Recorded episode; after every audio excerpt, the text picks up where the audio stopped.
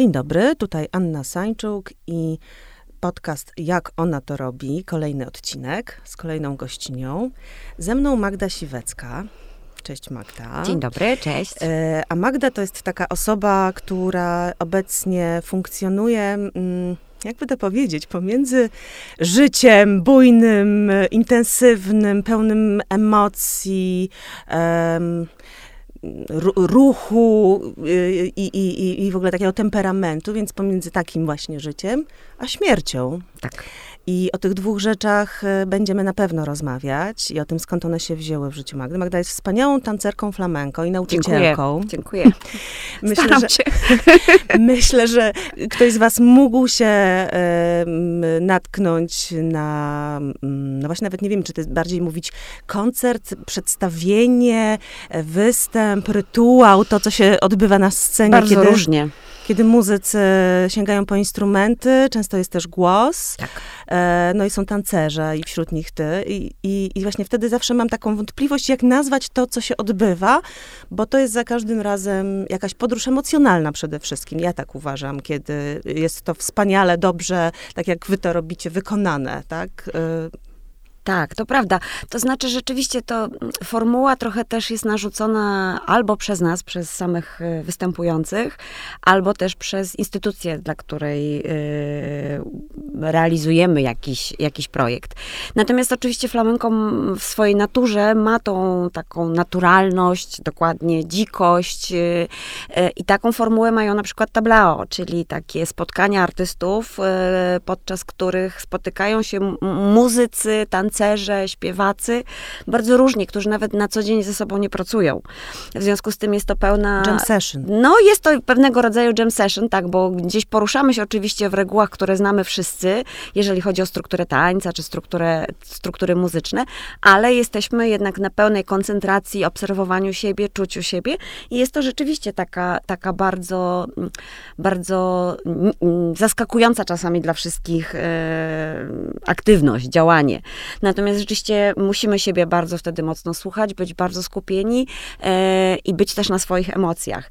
Natomiast jeżeli realizujemy koncert, który jest naszym przedsięwzięciem i który wymyślamy od początku, który ma jakiś scenariusz, no to wtedy jest to po prostu taki, takie Spektakl. dzieło, spektakl, dzieło artystyczne, tak, które jest przygotowywane przez nas, e, bardzo mocno analizowane i wtedy zapraszani są różni muzycy, różni tancerze, śpiewacy i wtedy rzeczywiście to jest może troszkę bardziej wyreżyserowane, ale oczywiście zawsze jest na, na ekstremalnych emocjach. Mm, Tutaj zawsze rozmawiam z moimi gościniami o takiej e, drodze życiowej, drodze kobiety, Tak. decyzjach, zwrotach akcji, różnych e, kosztach, które się ponosi, bo to nie jest wcale łatwe zbudować e, siebie w dorosłości i jakoś te elementy poskładać, one się często rozpadają, te drogi się zmieniają. Jak masz potrzeby takie, taką wrażliwość, potrzebę twórczą, to jest jeszcze trudniej, tak, tak sobie myślę. E, no właśnie, i na tej drodze to w ogóle my się spotykałyśmy parę razy w różnych układach, bo po pierwsze obie jesteśmy z Olsztyna, czy właściwie z, Wa- z Warmii, to jest nasz Najpiękniejszy, najpiękniejsza część świata. Najpiękniejszy kawałek tego świata, tak, ciągle dla nas chyba obu też i, Tak. i gdzieś tam, tam wyrosłyśmy. E, Potem się spotkałyśmy na studiach na historii sztuki. Dokładnie. E, I w zasadzie jakby spojrzeć w twoje CV i w moje CV, to można by tam te same rzeczy zobaczyć, e, historia sztuki i dziennikarstwo, więc nam się zaplotło to bardzo podobnie. To prawda. Po czym po jakichś takich e, luźniejszych kontaktach nagle ja cię odkrywam właśnie jako taką e, niesamowitą, w pełni ukształtowaną postać dziękuję. artystyczną, Ojej, tak? bardzo Zostawiłam cię miło. w Muzeum Narodowym, a odnajduję cię na scenie Dziękuję. jako prawdziwą diwę. Ojej. E, no ja tak to widzę, tak? Bo Ja się zawsze tak nie czuję kompletnie, ale bardzo mi miło. ale to ta persona, która jest Mhm. na scenie, która też jest tobą, Oczywiście. nie tobą codzienną na Tak. pewno, tylko to jest jakaś taka emanacja, która Mhm. się tam pojawia, ale ona jest z ciebie, to za każdym razem jest to dla mnie zaskakujące, kiedy patrzę na tancerki e, flamenko, bo ta moc i ta siła, która jest w Mhm. tych kobietach, e, pierwotnie ze społeczności przecież e, romskiej czy cygańskiej, jak Tak. się kiedyś mówiło, gdzie ta kobieta e, no, w tej hierarchii nie jest, e, wydaje się, tradycyjnie bardzo tylko wysoko. wydaje się, no tylko właśnie. wydaje się. A tu na scenie Mhm. właściwie zagarnia wszystko, wszystkich tak. i, i, zarządza również tymi tak. mężczyznami, którzy jej akompaniują, no czasem też tańczą oczywiście. Tak, e, tak więc e, e, to jest dosyć ciekawe, a z drugiej strony że tam cię znalazłam właśnie w tym miejscu, choć właśnie ta potrzeby kontaktu z twórczością, ze sztuką, ta wrażliwość gdzieś by naprowadzała, a dru drugi kawałek tego twojego życia, o którym mm, dzisiaj też będę chciała porozmawiać, e, no to jest twoja praca ze śmiercią, e, bardzo specyficzna, bo dotycząca e, ludzi, sytuacji, tak, e, którzy ludzi. tracą zwierzęta. Tak. I co jest w ogóle, mm, czasem w Polsce myślę, mm, ciągle brzmi dziwnie, że ktoś się tym zajmuje, również również zawodowo. To prawda, tak. Bardzo często spotykam się z tym, że ktoś żartuje na ten temat, dziwi się mojej pracy.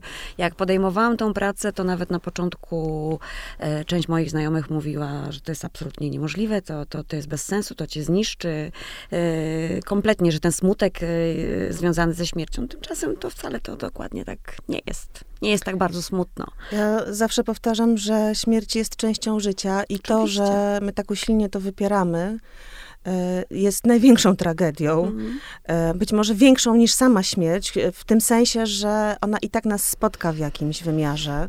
I to nie jeden raz. I to nie jeden raz. Jeżeli oczywiście mówimy o naszej śmierci, no to wiadomo, tak, ale że jeden raz. Ja myślę bardziej o tych utratach tak, wokół tak, nas, straty, które, które ponosimy. Oczywiście, że tak. Oczywiście, osób bliskich, istot bliskich, bo to jest e, w tej chwili coraz częściej się o tym mówi. Ja się bardzo cieszę, że pojawiło się takie określenie jak żałoba pozaludzka czyli dotycząca strat, które ponosimy w życiu nie tylko związanych z odchodzącymi bliskimi, bo czasami wcale z tymi tak zwanymi bliskimi nie jesteśmy aż tak blisko związani. Tymczasem... Jak z własnymi e, zwierzętami. Jak z własnymi zwierzętami Bywa tak. chociażby. Tak, mhm. to prawda.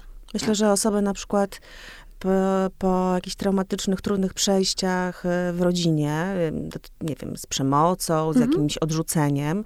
Wcale nie są to rzadkie historie, niestety, tak. że jednak rodzina bywa e, źródłem cierpień. To ci ludzie, którzy często są właśnie, muszą zbudować e, swój świat zupełnie w, w, w odrębności. Mhm. Często zwierzę staje się towarzyszem takiego życia tak. i staje się tą najbliższą osobą, bo, tak. bo ona daje bezwarunkową miłość, czułość. I, I, pozwala na takie, takie wzajemne zaopiekowanie się. Ja to tak e, widzę. Tak, bo to jest miłość, która nas ubogaca i nawet jeżeli w naszym życiu pojawiają się kolejne zwierzęta, bo to też jest temat, który gdzieś dla opiekunów zwierząt jest bardzo trudny, czy po śmierci ukochanego zwierzęcia y, możemy, powinniśmy, tych pytań jest bardzo wiele, wziąć kolejne zwierzę. I ja zawsze powtarzam, oczywiście, że to jest indywidualna decyzja, natomiast dla mnie to jest coś takiego, że miłości nigdy nie ubywa. Miłości zawsze jest więcej, bo to nie znaczy, że pokochamy kogoś jakąś kolejną istotę, to nie znaczy, że będziemy kochali mniej tą, która była wcześniej w naszym życiu. Natomiast każdy ma swój czas na to. Trzeba być w gotowości na to. Nigdy do miłości, do, do uczucia nie można nikogo zmusić. Mm. Także wobec zwierząt. Straciłaś swoje, swojego kotka ukochanego tak. i nie wzięłaś następnego zwierzęcia. Na razie więc... nie. Na razie nie wzięłam. tak się nad tym zastanawiam. Tak. Łatwo się tak mądrze Dlatego, dlatego o tym mówię, że każdy ma swój czas. Y, teraz tak się szczęśliwie złożyło, że mój partner ma psa i ja tą miłość Kawał przelewam. Psa bym powiedziała, to jest. Tak, to jest przepiękny, przepiękny Lukas. E, I ja absolutnie obdarzyłam wielką miłością to zwierzę i to Lukas mnie też uczy tego, że, że może właśnie to już jest czas na to, żeby, żeby pojawił się też i kolejny kotek w moim, w moim życiu.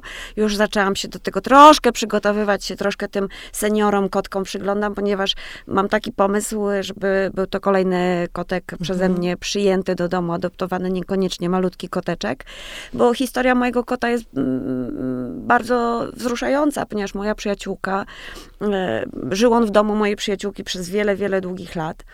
E, okazało się, że, że niestety w momencie, kiedy urodził się synek, e, synek jest uczulony na, na, na, kota, na kotka i e, ona w rozpaczy szukała pomysłu, jak, dobrego jak, domu. jak poradzić sobie, jak, jak, uratować, jak uratować zwierzę, żeby był gdzieś blisko niej i mm, nie ukrywam, że wtedy z, z wielką, że tak powiem, też miłością dla niej i dla tego zwierzęcia przyjęłam, przyjęłam tego kota do siebie do domu i była to jedna z najlepszych rzeczy, jakie w swoim życiu zrobiłam. Kaspar e, wniósł w moje życie wiele miłości, takiej nieznanej mi wcześniej, bo, bo był to kot, ja wcześniej miałam pieski e, i był to rzeczywiście absolutnie wyjątkowy kot. Wielki indywidualista. Jak to się stało, że y, właśnie zaczęłaś zajmować się takim tematem, jakim jest y, śmierć y, zwierząt bliskich ludziom? Bo to jest taka idea właśnie niezbyt chyba popularna w Polsce, żeby istniał, właśnie nie wiem jak nazwać nawet to, to miejsce, fi, firmą zajmującą się, nie wiem, tak. kremacją, pochówkiem, tak, e, tak, ostatnią drogą. Tak. Nie, my tego nie nazywamy ostatnią drogą, bo, no bo już tych dróg więcej nie będzie. To jest ta droga. Tak, jest to firma, jest to, jest to przedsięwzięcie, jest to projekt. Można, można użyć różnych określeń, jeżeli dla kogoś by byłoby to no jakoś, jakoś przykre, czy, czy, czy źle, źle um, kojarzące się. Natomiast moja droga zaczęła się w ten sposób i to wszystko, jakby flamenko w moim życiu wyznacza bardzo wiele ścieżek i łączy mnie z bardzo wieloma osobami. E, moja e, kolejna przyjaciółka, z którą tańczyłam przez wiele lat, która wyjechała, wyjechała za granicę i ja już myślałam, że nie wróci, w pewnym momencie zadzwoniła do mnie 4 lata temu, no może trochę więcej, 5 lat temu, e, e, że po prostu jest w tym czasie w Polsce, może byśmy razem coś zjadły, jakąś kolację. No dobrze. No spotkałyśmy się na tej kolacji i ona wtedy zaczęła mi opowiadać o projekcie, który będzie wprowadzała w Polsce. Część jest to część projektu e, europejskiego, który narodził się we Francji, właśnie firmy, która dwutorowo działa, czyli z jednej strony buduje krematoria dla zwierząt towarzyszących, ale krematoria, które wyglądają inaczej niż to, co w naszej wyobraźni się pojawia, kiedy słyszymy słowo krematorium. To są miejsca przyjazne, otoczone zielenią, gdzie opiekun zwierzęcia, jak przychodzi, to ma wnętrze takie przypominające jego trochę jego dom, gdzie jest przestrzeń, w której może się pożegnać ze zwierzęciem. Nie ma tam żadnych mrocznych, y, przerażających klimatów. E, a z drugiej strony ta firma organizuje pomoc i wsparcie dla, dla opiekunów zwierząt, którzy bardzo często, zarówno przed śmiercią zwierzęcia, bo pamiętajmy, że w przypadku zwierząt jeszcze jest coś takiego jak eutanazja. I podjęcie tej decyzji, która się nam wydaje, dzisiaj jak rozmawiamy, kiedy słyszymy o cierpieniu zwierzęcia, to podjęcie decyzji eutanazji zwierzęcia wydaje się bardzo oczywiste, naturalne. W momencie, kiedy dotyczy to naszej ukochanej istoty, jest bardzo trudne i obciążone jest później e, ogromnymi e, wyrzutami sumienia i mm, trudnością z radzeniem sobie w, w, codzienności. I przygotowywanie opiekunów zwierząt do podejmowania tej decyzji, do tego, żeby wiedzieli, na czym to polega, żeby się tego nie bali, żeby rozumieli, jak, na czym przebiega cały proces i do czego mają prawo jako opiekunowie zwierzęcia. Plus oczywiście w momencie, kiedy już to przeprowadzenie ich przez samo pożegnanie, no i później opieka nad nimi, kiedy czasami miesiącami, a nawet latami nie są w stanie sobie poradzić ze stratą zwierzęcia, nawet jeżeli w ich życiu pojawia się nowe zwierzę, to jednak um, wspomnienia, um, ta więź, którą stworzyli, jest dla nich um, bardzo silna i bardzo trudna, ta strata jest bardzo trudna do zaakceptowania. Czasami zdarza się, że zwierzęta umierają w wyniku długiej choroby, czasami zwierzęta bardzo młode, które giną w wypadkach samochodowych, czasami na oczach opiekunów, często dzieci też. Więc tych aspektów opieki nad opiekunem zwierzęcia jest bardzo dużo. Ty się też znalazłaś w takiej grupie mm, sprzyjającej bardzo ciekawej i bardzo, bardzo uważam potrzebnej inicjatywie, jaką jest e, Instytut Dobrej Śmierci. Tak. Założony przez Anię Franczak. I właściwie no, to jest takie miejsce, gdzie mm, ten, ten zespół, ta grupa tak. zajmuje się Y, rozmową y, o śmierci, odtabuizowaniem jej, ja bym powiedziała, tak. bo y, żyjemy w tak jakby to powiedzieć, konsumpcyjnej rzeczywistości, która y, zawiesza się na y, przyjemności. Tu i teraz, na... dziś. tak, ale chyba źle pojętym tu i teraz, w tym mm. sensie, że tak jakby śmierci nie było, o tak, tak prawda? Nie w, w kontekście te, tego, że właściwie całe życie jest serią utrat, z którymi trzeba się nauczyć y, mm, funkcjonować mm. i jakby mm, też ku temu to życie zmierza, jakby o tym y, nie myśleć y, a my to wyrzucamy, jakby poza mhm. nawias. Nie wiem, starość, śmierć, e, chorobę, cierpienie. Nie chcemy o tym mówić, nie chcemy o tym widzieć, tak jakbyśmy zaczarowywali rzeczywistość, a mm, kończy się to tym, że mm, te osoby, które doznają tej żałoby, utraty, a przecież, tak jak mówię, spotka to mm, każdego prędzej czy później, no znajdują się nagle w jakiejś takiej przestrzeni samotności strasznej, więc nauczenie się tego, jak funkcjonować z takimi osobami, czy y, dotkniętymi śmiercią hmm. osoby bliskiej, y, ludzkiej czy pozaludzkiej, mhm. Y, jak o tym rozmawiać na przykład. My nie mhm. umiemy o tym rozmawiać. Właśnie chciałam cię zapytać, jak, jak wygląda mm, wasze, jak wyglądają wasze mm, działania, czy no, bycie właśnie w tym kolektywie, który wspiera Instytut Dobrej Śmierci? E, to jest tak, że tak naprawdę bardzo wiele mm, inicjatyw też jakby wychodzi ze strony Instytutu. E, Instytut e, korzysta w jeżeli mogę użyć takiego określenia, z, z potencjału i możliwości wszystkich nas, którzy jesteśmy w kolektywie, wszystkich członków kolektywu. W związku z to, to tym, są jeżeli... bardzo różne osoby, tak, z bardzo różne. Są lekarze, są artyści, um, są dziennikarze, są pisarze, muzycy, um, towarzysze. Opiekunowie osób starszych. Tak, opiekunowie tak? osób starszych, e, osoby zajmujące się e, samobójstwami. No i w tym e, kilka osób zajmujących się mm, właśnie tematyką odchodzenia zwierząt i pożegnania zwierząt. E, w związku z tym, w momencie, kiedy Instytut podejmuje inicjatywy typu jak teraz na przykład był Black Market, już po raz drugi organizowany. Tak, w e, Komunie Warszawa tak. były takie spotkania stolikowe, e, dokładnie. rozmowy właśnie druga, z ekspertami. Tak, druga śmierci. edycja, druga edycja, dokładnie, można przyjść zapytać o różne rzeczy, które albo nas frapują, albo o które nie mamy kogo zapytać. Albo są osoby w trudnej sytuacji finansowej i na przykład nie stać je na to, żeby skontaktować się z radcą prawnym. I są też takie osoby, które zajmują się właśnie prawnicy, radcy prawni, którzy zajmują się tematyką testamentów, pożegnań, przygotowywania się i dla ludzi to też jest szalenie ważne. To przygotowanie w oswajaniu śmierci, czyli rozmawianie na ten temat, rozmawianie w rodzinie o tym, jak to, jak to można zrobić, żeby nikogo nie skrzywdzić. Natomiast przypadku, e, w przypadku śmierci zwierząt e, to jest tak, jeżeli umiera człowiek, najczęściej jest ktoś wokół nas, kogo możemy zapytać, co w tej sytuacji zrobić. Ktoś już przez to przechodził, są firmy pogrzebowe, to są pewne wytarte ścieżki, można to zrobić w sposób bardziej nietypowy, co właśnie też Instytut oferuje poprzez osoby takie jak, jak chociażby Ania Franczak, czyli towarzysze, towarzysze e, w żałobie. E, Dula śmierci. Dula śmierci, tak. Natomiast w przypadku zwierząt ta wiedza jest, e, śmierci zwierząt, ta wiedza jest bardzo znikoma, tak naprawdę. Ludzie bardzo często do nas, na przykład, kiedy pytasz o te inicjatywy, ludzie bardzo często do nas piszą w nocy. Zdarzyło się też w Sylwestra, że pod wpływem tego, co się dzieje na zewnątrz, strasznego, tych wszystkich fajerwerków, wybuchów, zwierzę umiera na zawał. Mhm. I wtedy w środku nocy jest takie pytanie, co ja mam zrobić? Mhm. Bo ludzie nawet nie wiedzą, jak przygotować ciało zwierzęcia do tego, żeby je zabezpieczyć, zanim na przykład przyjedzie specjalistyczny transport i to zwierzę zabierze do, czy to do kliniki, czy, czy do naszego ośrodka, czy jakiejkolwiek innej y, firmy, która się tym zajmuje. W związku z tym My między innymi w ramach Instytutu też rozpowszechniamy tą wiedzę, czyli albo bierzemy udział właśnie w takich inicjatywach jak Black Market, czyli rozmawiamy z ludźmi y, na temat tego, w jaki sposób mogą zwierzę przygotować po jego odejściu, co mogą zrobić, jak mogą je upamiętnić, jak rozmawiać z dzieckiem o śmierci zwierzęcia, bo to bardzo często jest pierwsza śmierć w życiu dziecka. Mhm.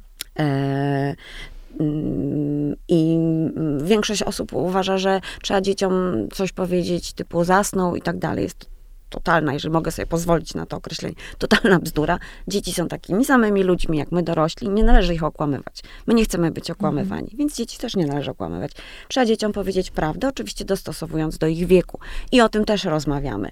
Więc w ramach kolektywu bierzemy udział w konferencjach, webinarach, spotkaniach online, które są dedykowane temu mhm. tematowi, więc mm, to są e, tego typu aktywności. To, to, y ponieważ zawsze też szukam, wiesz, jakichś takich początków różnych e, życiowych decyzji, działań e, moich rozmówczyń, to też chciałam ciebie o to zapytać. Co cię przygotowało na tego rodzaju pracę? Czy, no bo wydaje mi się, że trzeba być w jakiś sposób blisko z tym tematem, żeby chcieć się nim zająć. Ja to tak czuję. To znaczy, mm, na pewno, oczywiście, że tak. Moje, moje doświadczenie życiowe, y, straty moich rodziców i mojej babci w ciągu, w ciągu jednego roku, to te śmierci one przychodziły powoli, dlatego że to były choroby. E, natomiast nie zmieniło to faktu, że ja nie byłam na pierwszą śmierć, czyli najtrudniejszą dla mnie, czyli śmierć mojej mamy, kompletnie nie byłam przygotowana. E, nie miałam wiedzy, nie wiedziałam co robić, nie wiedziałam jak postępować. E, działałam w jakimś totalnym Szoku. zawieszeniu, mhm. szoku. Robiłam to, co mi powiedziano. Po czym zanim odszedł mój tato po kilku miesiącach, do, zaczęły pewnie, pewne rzeczy do mnie docierać, że można było zrobić inaczej, ale to działa już y, za późno. Ym, i chciała, i pracując w, w, firmie, w której pracuję w tej chwili, robiąc te projekty, które, które robię, chciałabym pomóc osobom, które są w takiej sytuacji, jak ja byłam wtedy, żeby po prostu wiedziały, co robić. Mhm. Żeby nie były w szoku, żeby później nie było słowa, nie wiedziałam, żałuję, mhm. mogłam to zrobić inaczej. A to boli, to naprawdę mhm. boli. W związku z tym do tych kolejnych śmierci mo mojego taty i mojej babci byłam stopniowo lepiej przygotowana, bazując tylko i wyłącznie na własnym doświadczeniu i tym, co odczuwałam. Nie ulega wątpliwości, że tym, przepraszam, no nie, nie są to łatwe tematy. E, nie ulega wątpliwości, że tym, co mnie przygotowywało, też był taniec. Mhm. Dlatego, że tańcząc y, całe moje życie tak naprawdę, a zwłaszcza flamenko, ja sięgam do najgłębszych swoich warstw. Y, I mm, tańczę to, czego, to, czego nie mogę powiedzieć. Nie umiem, nie potrafię, albo nawet czasem nie chcę, bo nie wszystko trzeba nazywać. Y, nazwanie rzeczy nie powoduje, że one się stają bardziej wartościowe. Przynajmniej tak jest moje, tak jest moja, taka jest moja filozofia. Kiedy tańczę, to się dzieje w sposób naturalny. To po prostu płynie. Y, w związku z tym te dwie rzeczy w moim życiu, zarówno odejście moich bliskich, fizyczne, odczuwalne, bolesne, mhm. przeżycie tego, przejście przez to i to, ile lat mi zajęło tak naprawdę poradzenie sobie, y, pewnie też nie do końca z tą stratą. I oczyszczanie samej siebie poprzez taniec, sięganie do tych najgłębszych, najgłębszych emocji, E, w jaki sposób do tej pracy mnie przygotowało. E, mogę pomagać.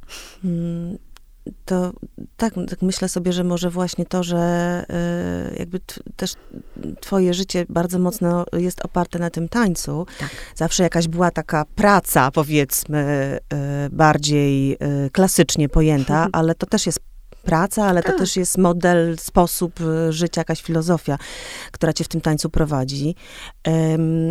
Że to też może było sposobem, no takim w ogóle też przeżycia tego, tego roku strat, bo jak sobie o tym myślę, że jak kogoś spotyka taka seria, tak. to można się z tego w ogóle nie podnieść. To prawda. To jest, to jest ciężar um, ogromny i wtedy bardzo ważne są, oprócz y, jakiegoś takiego, no właśnie innych bliskich ludzi, E, którzy chcą rozmawiać i nie uciekają od tego, mhm. że jest ta czerń, ten mrok wokół tego tak. człowieka, tak. który został sam, tak.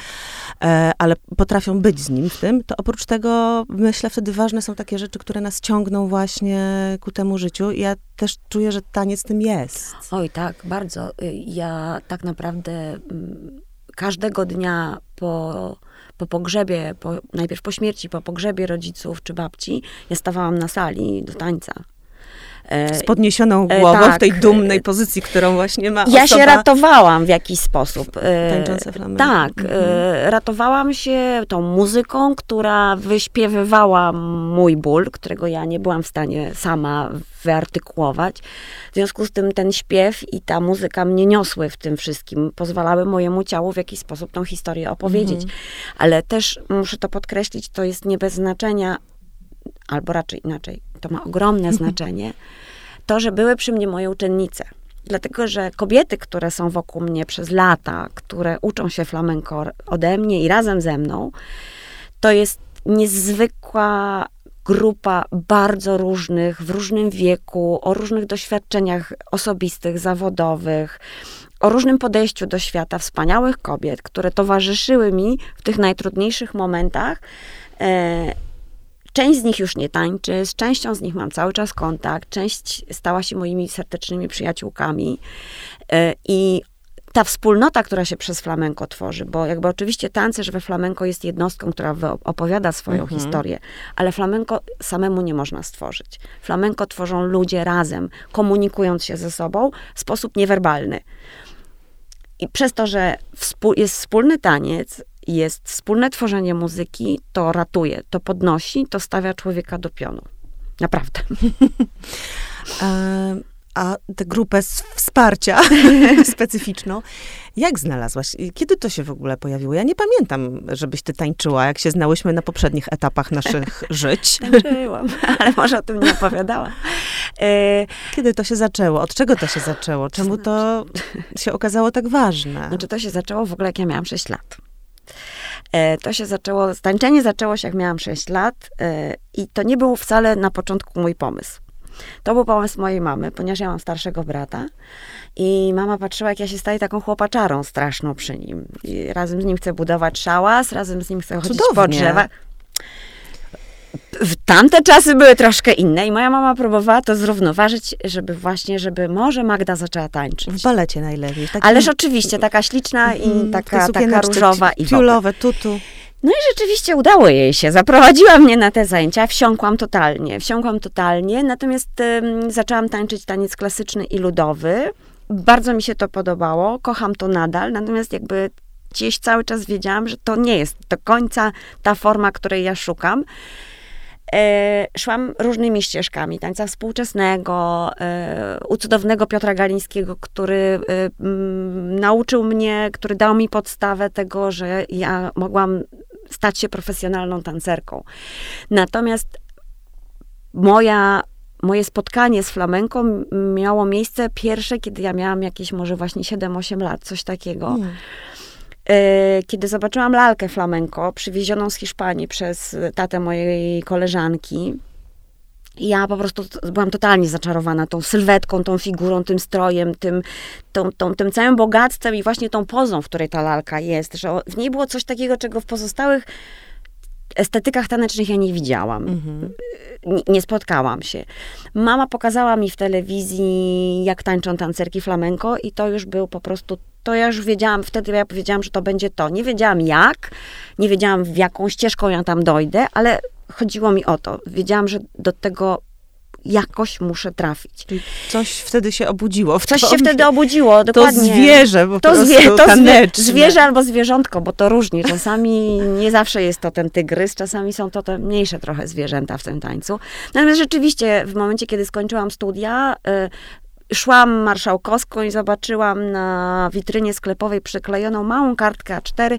Zapraszamy na zajęcia flamenko. Studio Flamenko, ulica Zakrzewska. To po prostu był znak z nieba. Yy, poszłam na pierwsze zajęcia i już wtedy wiedziałam, że na pewno to. Na półce zobaczyłam, że stały gotowe buty do kupienia do flamenko. To były wydane wszystkie oszczędności, jakie były. Mama poratowała trochę. Pierwsze buty były kupione i tak mhm. się zaczęło. Po roku tańca był wyjazd do Sewilli utwierdzenie się w tym, że, że ten taniec to jest właśnie to, ta forma pracy, ta, ten cały świat, który mnie tam otoczył, to jest właśnie to. Mhm. I im głębiej wchodzę we flamenko, tym więcej widzę, ile jeszcze jest bogactwa przede mną do odkrycia. I to jest jedna z najpiękniejszych rzeczy. No właśnie, to co tam jest? Co tam, co tam jest? Bo mm, dla mnie to jest zawsze taka po prostu niesłychana, no właśnie taki komunikat emocjonalny, który się dostaje, y, który jakiś jest taki y, w ogóle poza.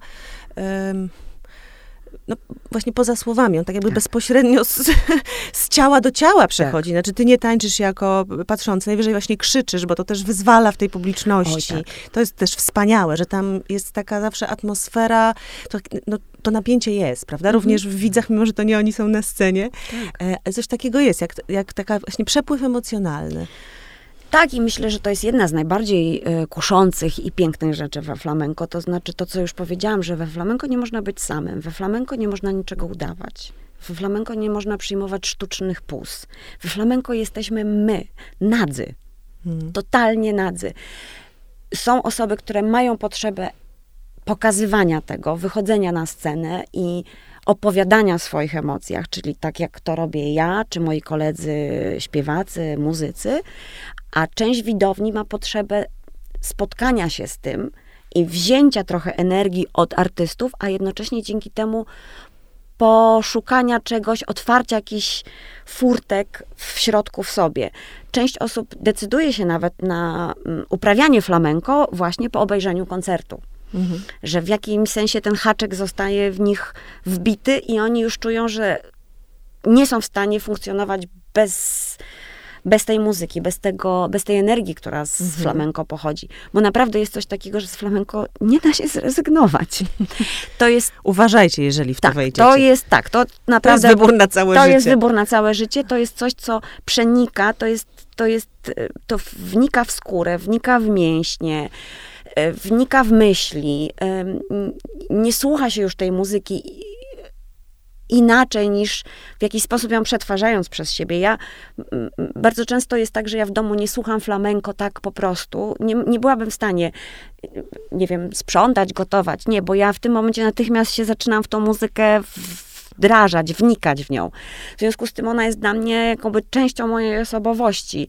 Um, utworzyła mnie um, z całym swoim bogactwem z tym cierpieniem, które w nim jest, z tą euforią, tą egzaltacją czasami, która jest aż przesadną. Natomiast jest coś takiego, to powiedziała kiedyś jedna z moich nastoletnich uczennic, kiedy zadałam im pytanie, ja, ja, ja mówię, jak sądzicie, dlaczego na przykład śpiewacy flamenko robią takie głupie miny? Mhm, tak, bo tam nie musisz, nie musisz ładnie wyglądać. Absolutnie, właśnie o to, to chodzi. To jest no. wspaniałe, ta ekspresja jest taka właśnie często nieokiełznana, dzika, Dzikie brzydka, z... można powiedzieć. Tak, jest w tym po prostu prawda. Mhm. Jeżeli, i to jedna z moich uczennic powiedziała, że jeżeli upada ci młotek na nogę, to nie mówisz, ała, jak mi upadł młotek, tylko no, mm, innych słów używamy, tak? tak? Ale krzyczymy, y, podskakujemy, wykrzywiamy grymas twarzy. W związku z tym, śpiewając flamenko, czy tańcząc flamenko, sięgamy do takich emocji, że nasza twarz wyraża z automatu to, co przez ciało przechodzi. Ta fala, która przechodzi przez ciało, ona znajduje ujście w naszej ekspresji. To jest niekontrolowane, naprawdę. Ja czasami jak oglądam zdjęcia, to mówię, Boże, kochany, co ja na tej scenie wyprawiałam. Natomiast to jest, to jest, to jest silniejsze. To jest po prostu, to jest prawda. To, tak jak powiedziałam, we flamenko jest wszystko. We hmm. flamenko jest cały świat. E, a jaka kobieta jest we flamenko? Bo ja mam zawsze właśnie wrażenie, to o czym mm. mówiłam, że jest niezwykła jakaś taka moc i duma, e, nawet jeżeli jest w tym też rozpacz, bo tam tak. jest właśnie dużo o tej śmierci w tym życiu tak, tak. intensywnym, flamenkowym. E, no właśnie, ten, ten rodzaj kobiecości, mm-hmm. bo też masz uczennicę tak. i kobiet, współpracujesz z, z kobietami, więc też widzisz, jak to jak to pracuje z ich ciałami, z ich wrażliwościami, z ich e, kompleksami, z ich e, zam, zamknięciem jakimś, prawda? Takim, czy no, mnóstwo rzeczy kobieta, dziewczynka, dziewczyna jest uczona, żeby mhm. właśnie coś e, kontrolować, coś schować, ma być grzeczna, miła, uśmiechnięta, tak. ładna, no nie wiem co jeszcze. To wszystko jest takie, no właśnie nieprawdziwe w gruncie rzeczy, a broń Boże wulgarna na przykład, albo e, taka rozwydrzona, no nie tak. wiem jeszcze jak powiedzieć, tak. bo to są tak. takie właśnie te ekspresyjne jakości, które się tak ujawniają w taki nieokiełznany sposób w, mhm. na scenie tutaj. Tak, kobieta we flamenko moim zdaniem przede wszystkim jest odważna. Dlatego, że nawet jeżeli jest słaba, jeżeli się czegoś boi podskórnie, to się z tym mierzy. Może nie od razu, może nie dziś, może za miesiąc, może za pół roku, ale ta odwaga prowadzi. Kobiety, kobieta we flamenko jest taka, jak my jesteśmy. Tak naprawdę to jest odpowiedź, bo po pierwsze, jeżeli chodzi o fizyczność, we flamenko nie ma tych reguł, które są w innych rodzajach tańca, że musi być taka, taka czy taka. Nie, każda jest i wiek też nie jest tutaj A, ważny. Nawet, A nawet lepiej być starą tancerką flamenko. Im więcej jest dojrzałości w tym tańcu, tym więcej jest w nim prawdy do podzielenia się, tym więcej jest doświadczenia do podzielenia się, tym więcej ludzie są w stanie znaleźć podobieństw ze swoim życiem do tego, co jest przeze mnie tańczone. To, co ja opowiadam na scenie, bo to nie jest tylko ruch. To jest właśnie na tym to polega, że kobieta w tańcu flamenko dzieli się swoim swoją kobiecością, swoją ekspresją, swoją fizycznością. To jest coś takiego, że my nie jesteśmy we flamenko sexy. Tak jak mhm. powiedziałaś, my nie jesteśmy wyuzdane, wulgarne, my jesteśmy naturalne, my mhm. jesteśmy prawdziwe. My mamy biodra, my mamy brzuchy, my mamy biusty, my mamy pupy, my mamy nogi, które nas niosą i to ciało musi być silne. To ciało we flamenko musi być silne, żeby nas poprowadzić. Dlatego, że ten taniec rzeczywiście fizycznie jest ogromnie wysiłkowy. Wymaga ogromnej pracy, wy, wymaga ogromnej mm, sprawności też od nas. Natomiast ta sprawność nie musi być sprawnością y, szczupłej piętnastolatki, tak? To może być sprawność ciała kobiety dojrzałej. To może być y, Manuela, która po prostu y, przygotowała obiad dla całej rodziny, posprzątała i teraz idzie się bawić. Mhm. I to jest, ona daje euforię ze swojego ciała. To jest ta siła, to jest ta fizyczność, którą my mamy. Natomiast kobiety mm, boją się lustra. Polki boją się lustra. Kobiety nie patrzą w lustro. Bardzo często tańczą z opuszczonymi oczami, yy, wstydzą się swojej fizyczności, wstydzą się sięgnięcia do tego, co jest w ich brzuchach, co jest w ich biodrach. Bardzo często pragną tego flamenko, ale potrzebują czasu, żeby pozwolić sobie na pewien rodzaj otwartości fizycznej, mm-hmm, mm, bo ona idzie za otwartością emocjonalną, tak? To taką ścieżkę trochę trzeba przejść. Myślę, że współczesny świat z jednej strony trochę pomaga, dając pewne otwierając pewne, pewne tematy, tak? Mów, że otwarcie się mówi o tym, że, że, że możemy być ciało pozytywne, że możemy być y, okrąglejsze, chudsze, mniejsze, większe, wszystko jedno. Y, a z drugiej strony otaczani jesteśmy pewnymi wzorcami wciąż, e, którym kobietom jest się bardzo, z których kobietom się bardzo trudno uwolnić, a też te wzorce były wbijane do głów przez nasze matki. Co jest, e, jak powinnyśmy się zachowywać, być skromne i tak dalej. No nie, we flamenko absolutnie żadnej Trzeba być nieskromną. Trzeba być nieskromną, trzeba być po prostu prawdziwą. Trzeba mhm. być, sięgnąć tam, gdzie gdzie wstydzimy się może czasami nawet głośno o czymś powiedzieć, a pokazać to swoim ciałem. Mhm.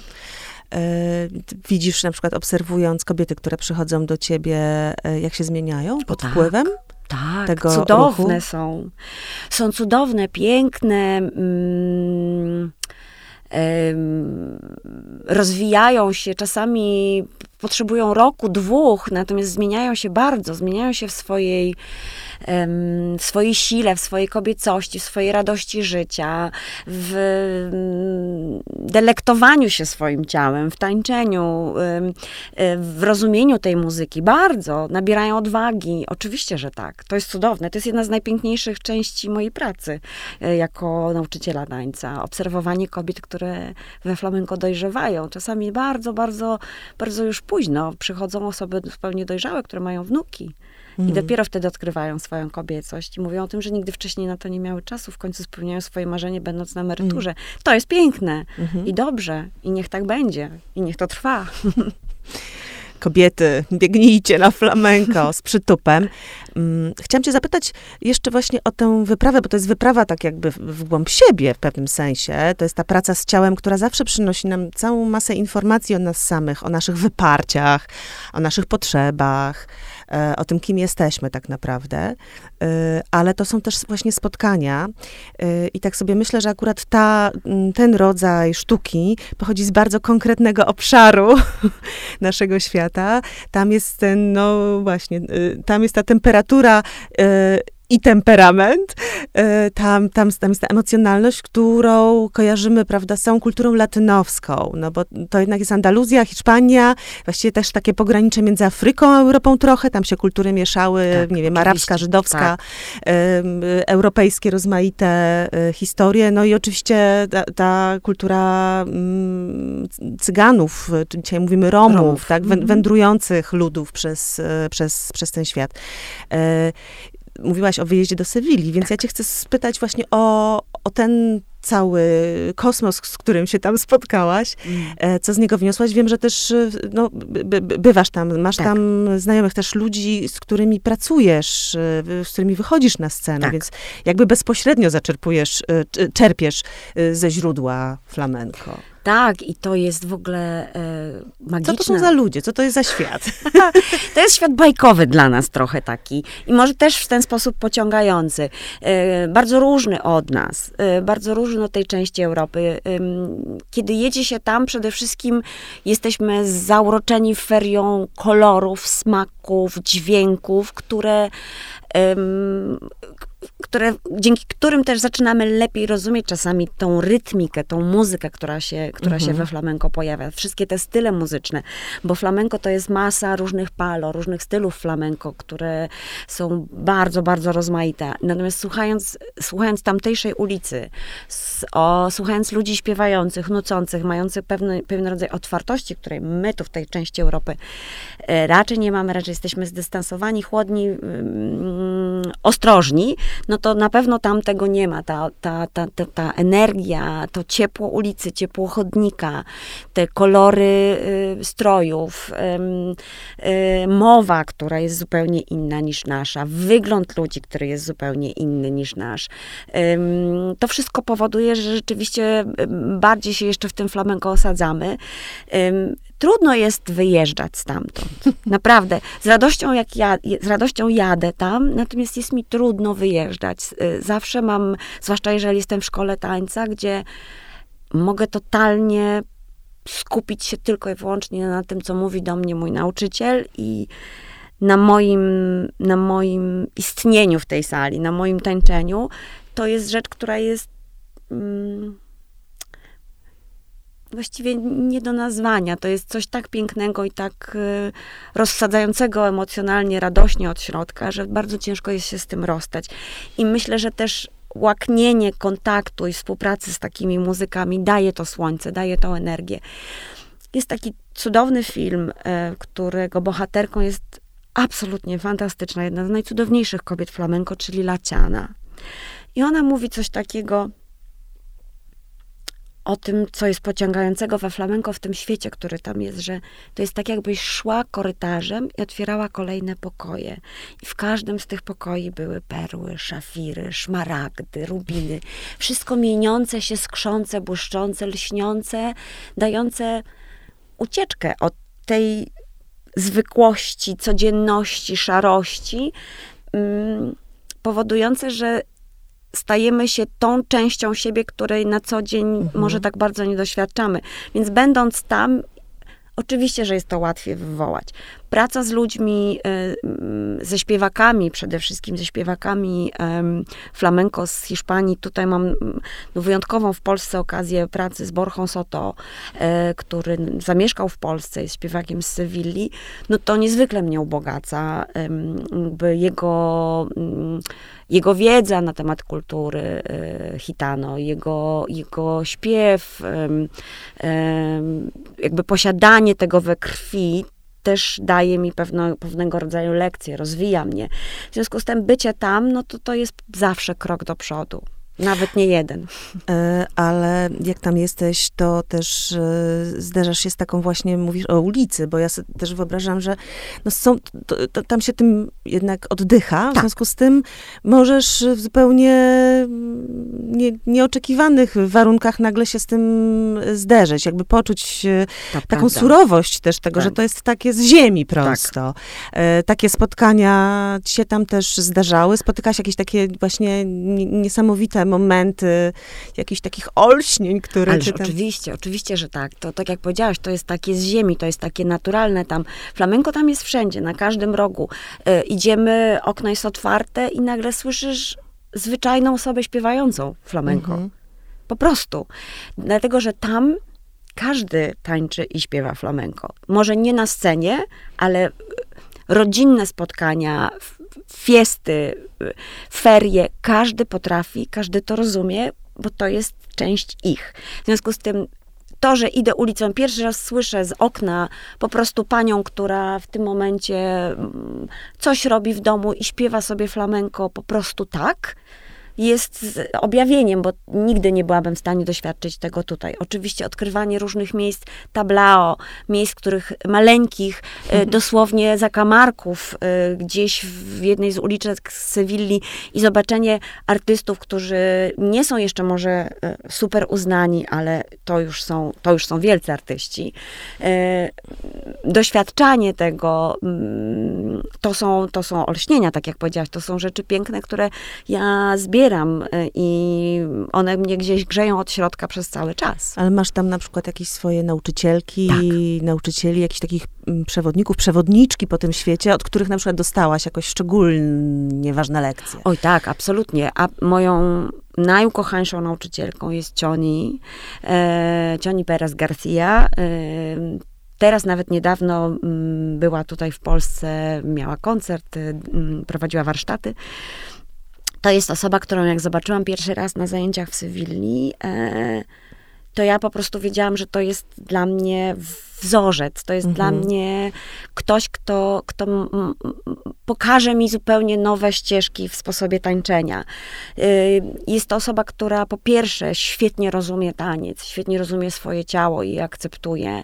Jest, ma tą podbudowę taką intelektualno-emocjonalną, ogromną dla tego tańca i też nauczyła się o tym rozmawiać.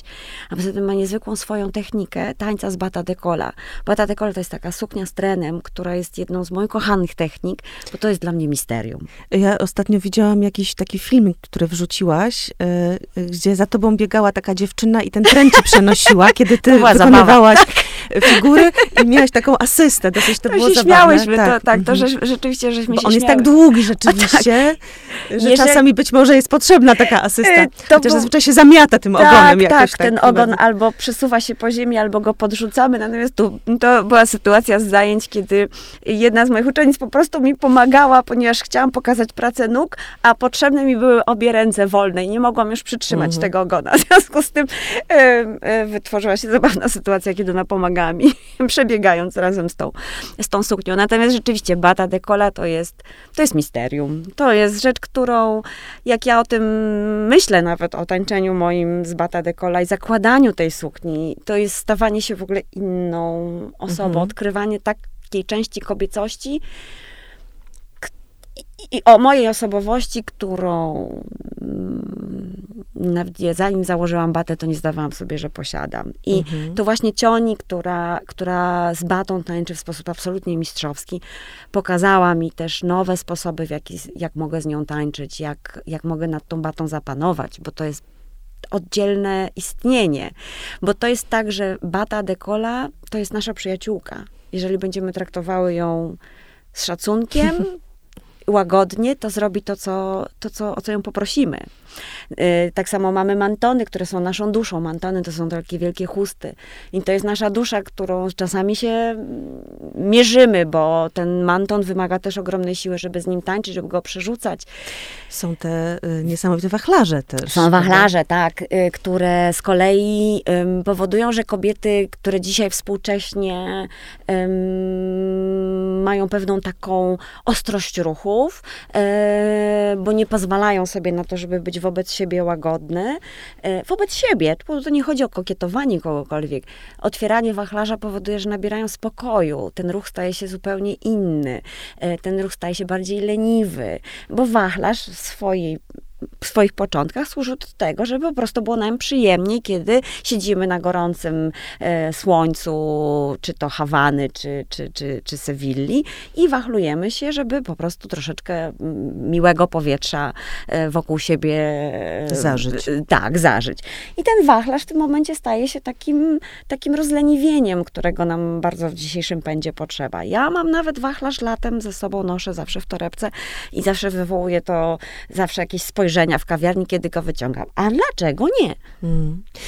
Czy myślisz, ta twoja droga z tańcem do flamenko jednak trwająca jakiś czas, czy dla ciebie jako dorastającej dziewczynki, dziewczyny, e, to była taka, no tańczyłaś, to były twoje, powiedzmy, zajęcia pozalekcyjne, tak. ale czy to było, czujesz, że było to ważne dla ciebie w takim rozwoju ciebie, jako kobiety, człowieka, wiesz, y, no, no właśnie, w tych naszych różnych uwikłaniach, choćby nawet rodzinnych, przy całej e, nawet miłości w, w rodzinie, to Tak. ta, ta rola, którą wyznaczano w Dziewczynce. rodzinie dziewczynce, Tak.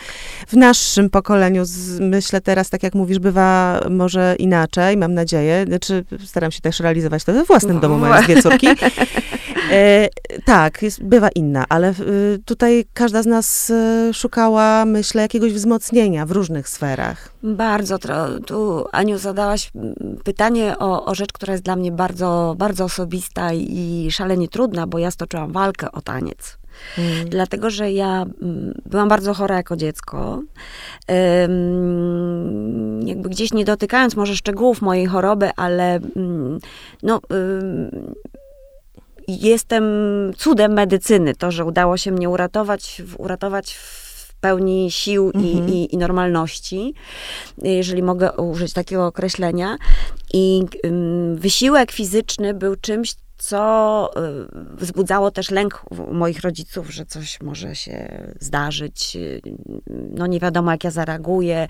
Nie ma osoby w, w podobnej sytuacji jak ja, która przeszła przez tą chorobę. Y, W związku z tym, no był cały czas ten lęk. I chuchano nade mną, dmuchano, żeby przypadkiem nic mi się nie stało. A ta potrzeba tańca, sama mama mi ją w pewnym momencie, chcia, chcąc zrobić ze mnie dziewczynkę, sama mnie na tą ścieżkę wepchnęła, nie sądząc, że to mm, dojdzie do aż takiego etapu. I rzeczywiście, kiedy tańczyłam już bardzo dużo jako nastolatka, mm, no, mm, zdarzały się mi różne omdlenia, mm, jakieś słabości fizyczne. No i rzeczywiście odbyłam różne rozmowy z lekarzami, z tym, neuro, w tym z neurologiem, który powiedział, że absolutnie nie powinnam tańczyć, bo to się po prostu może źle skończyć, krótkie będzie moje życie lub y, jakoś to fatalnie mm, przebiegnie mm, y, chorobą moją jakąś inną, czy czymkolwiek innym. No w każdym razie postraszył mnie zdrowo, ale ja mimo wszystko, może z głupoty, nie wiem, wtedy, nastolatki, ale we mnie była taka siła trwania przy tym tańcu i takie pragnienie tańczenia, wyrażania się poprzez taniec, że, że stwierdziłam, że ja zaryzykuję. No i dzięki Bogu w tym roku mija 50 lat, jak chodzę po tym świecie i świetnie się czuję, naprawdę. I myślę, że dzięki flamenko jestem tym, kim jestem. Jestem silna, jestem sprawna, mm, czuję się piękna. mm, Poradziłam sobie z pewnymi dramatami w moim życiu dzięki temu tańcowi. Cieszę się, że dzielę się nim z innymi, też jako i tancerka na scenie, i jako nauczyciel tańca. E, poznałam wielu wspaniałych ludzi. Samo piękno. Ja zawsze pytam na koniec mojej rozmówczynie, y, czym się zasilają. No to właściwie nie wiem, czy powinnam zada- zadać to pytanie, bo to cała ta Trochę rozmowa tak. była trochę, y, trochę o tym. Y, bar, powiem ci, że no bo też czasy są takie, że szukamy tych zasileń w obliczu rozmaitych kryzysów, od ekonomicznych, zawodowych, Oczywiście. zwłaszcza w polu kultury. E, znamy to, bo na, tych, na tym polu, że tak powiem, orze, orzemy, czy przynajmniej Mhm. mamy takie doświadczenia, e, ale też woj, po drodze wojna, Oczywiście. e, Lockdowny, epidemia i tak dalej, prawda? I wtedy rzeczywiście każdy z nas szukał jakichś sposobów zasilenia. Tańczyłaś wtedy w domu? Tak. Y, y, Lockdown był bardzo trudnym dla mnie doświadczeniem. Ja fizycznie y, Czułaś się spętana, podejrzewam. czułam się spętana i odczuwałam fizyczny ból. Ja Mhm. kompletnie nie byłam w stanie poradzić sobie z moim ciałem, które nie dostawało tej porcji tańca, ruchu, Endorfin. Tak, endorfin, które, które, które były zawsze przez lata i kompletnie nie wiedziałam, so, jak sobie poradzić. To były pierwsze, pierwsze tygodnie były bardzo trudne. Później opracowałam sobie własny system ćwiczeń, który mnie w jakiś sposób pionizował. Natomiast y, no, wyobrażam sobie, że nie tylko dla mnie, ale też dla wszystkich tancerzy y, to był szalenie trudny czas. Zresztą nawet były różne śmieszne filmiki, jak tancerze sobie radzą i, i jak ćwiczą między kanapą a stołem. I rzeczywiście trzeba było sobie w ten sposób poradzić. Ja się zasilam w armią. Ja się zasilam tańcem i zasilam się w armią. Nie jestem w stanie zerwać moich korzeni i nie chcę nawet zrywać moich korzeni z tą ziemią. Mhm. I teraz nawet tydzień temu tańczyłam koncert W Jezioranach. w Jezioranach, dokładnie. W cudownym miejscu, gdzie mam grupę, grupę przyjaciół i uczniów również. y, I emocje, które odczuwam w trakcie tańca tam, z tej ziemi, z tamtej ziemi, są niewyobrażalne. Ja, ja sięgam wtedy naprawdę do, do najpiękniejszych swoich wspomnień, najpiękniejszych e, uczuć. I to jest, to, to jest rzecz, która mi daje, ta ziemia mi daje siłę, bez wątpienia. Mm -hmm. A ja jeszcze myślę sobie y, o takim prze, prze, przedziwnym zderzeniu, które w twoim życiu nastąpiło, że ty jesteś tak zanurzona właśnie w tych latynoskich e, wibracjach, a tw, e, twój partner, e, właściciel owego psa, który wspomnianego Lukasa, e, no jest Norwegiem, człowiekiem północy. E, zdarza ci się, e, odwiedzając tamte rejony, bo wiem, że bywasz, że tak. sprzątasz fiordy na przykład ze swoim chłopakiem taka akcja społeczna, sprzątanie tak. fiordu, tak jak sprzątanie Cudowne. Bałtyku czy sprzątanie tak. Wisły. Mm, tam też tańczysz flamenko. Jak to wygląda na tle y, fiordu? Nie, nie tań, jeszcze tam nie tańczyłam flamenko, aczkolwiek wszystko przede mną. Y, plan y, bardzo chętnie taki bym zrealizowała tam. Natomiast mój partner Espen jest nietypowym Norwegiem. Jest człowiekiem niezwykle otwartym, komunikatywnym, pełnym energii, radości. No kompletnie nawet... Temperament ma latynoski. Temperament temperament i fizyczność też ma bardziej latynoską niż, niż skandynawską. Natomiast rzeczywiście, mm, rzeczywiście kraj jest inny. Jest tam dużo takiego spokoju, umiarkowania, ale ja jestem przekonana, że pod tym umiarkowaniem, pod tą wierzchnią warstwą tam kipi. Jak w każdym człowieku. To w takim razie czekamy jeszcze na flamenko wybijające spod lodu. Kolejna faza y, rozwoju tego, tego tańca. Postaram się. E, no, każde doświadczenie jest inkorporowane, prawda, w to, co nasze ciało na tej Oczywiście. scenie wyrabia. E, bardzo ci dziękuję za tę opowieść dziękuję, o życiu, Aniu. o śmierci, o flamenko, o emocjach, e, też o dorastaniu z tańcem. No i tak od razu mam ochotę pójść gdzieś potańczyć. Zapraszam. Zapraszam i bardzo dziękuję. To dla mnie była też bardzo piękna rozmowa. Wiele o sobie się też sama dowiedziałam. Dziękuję. Ja.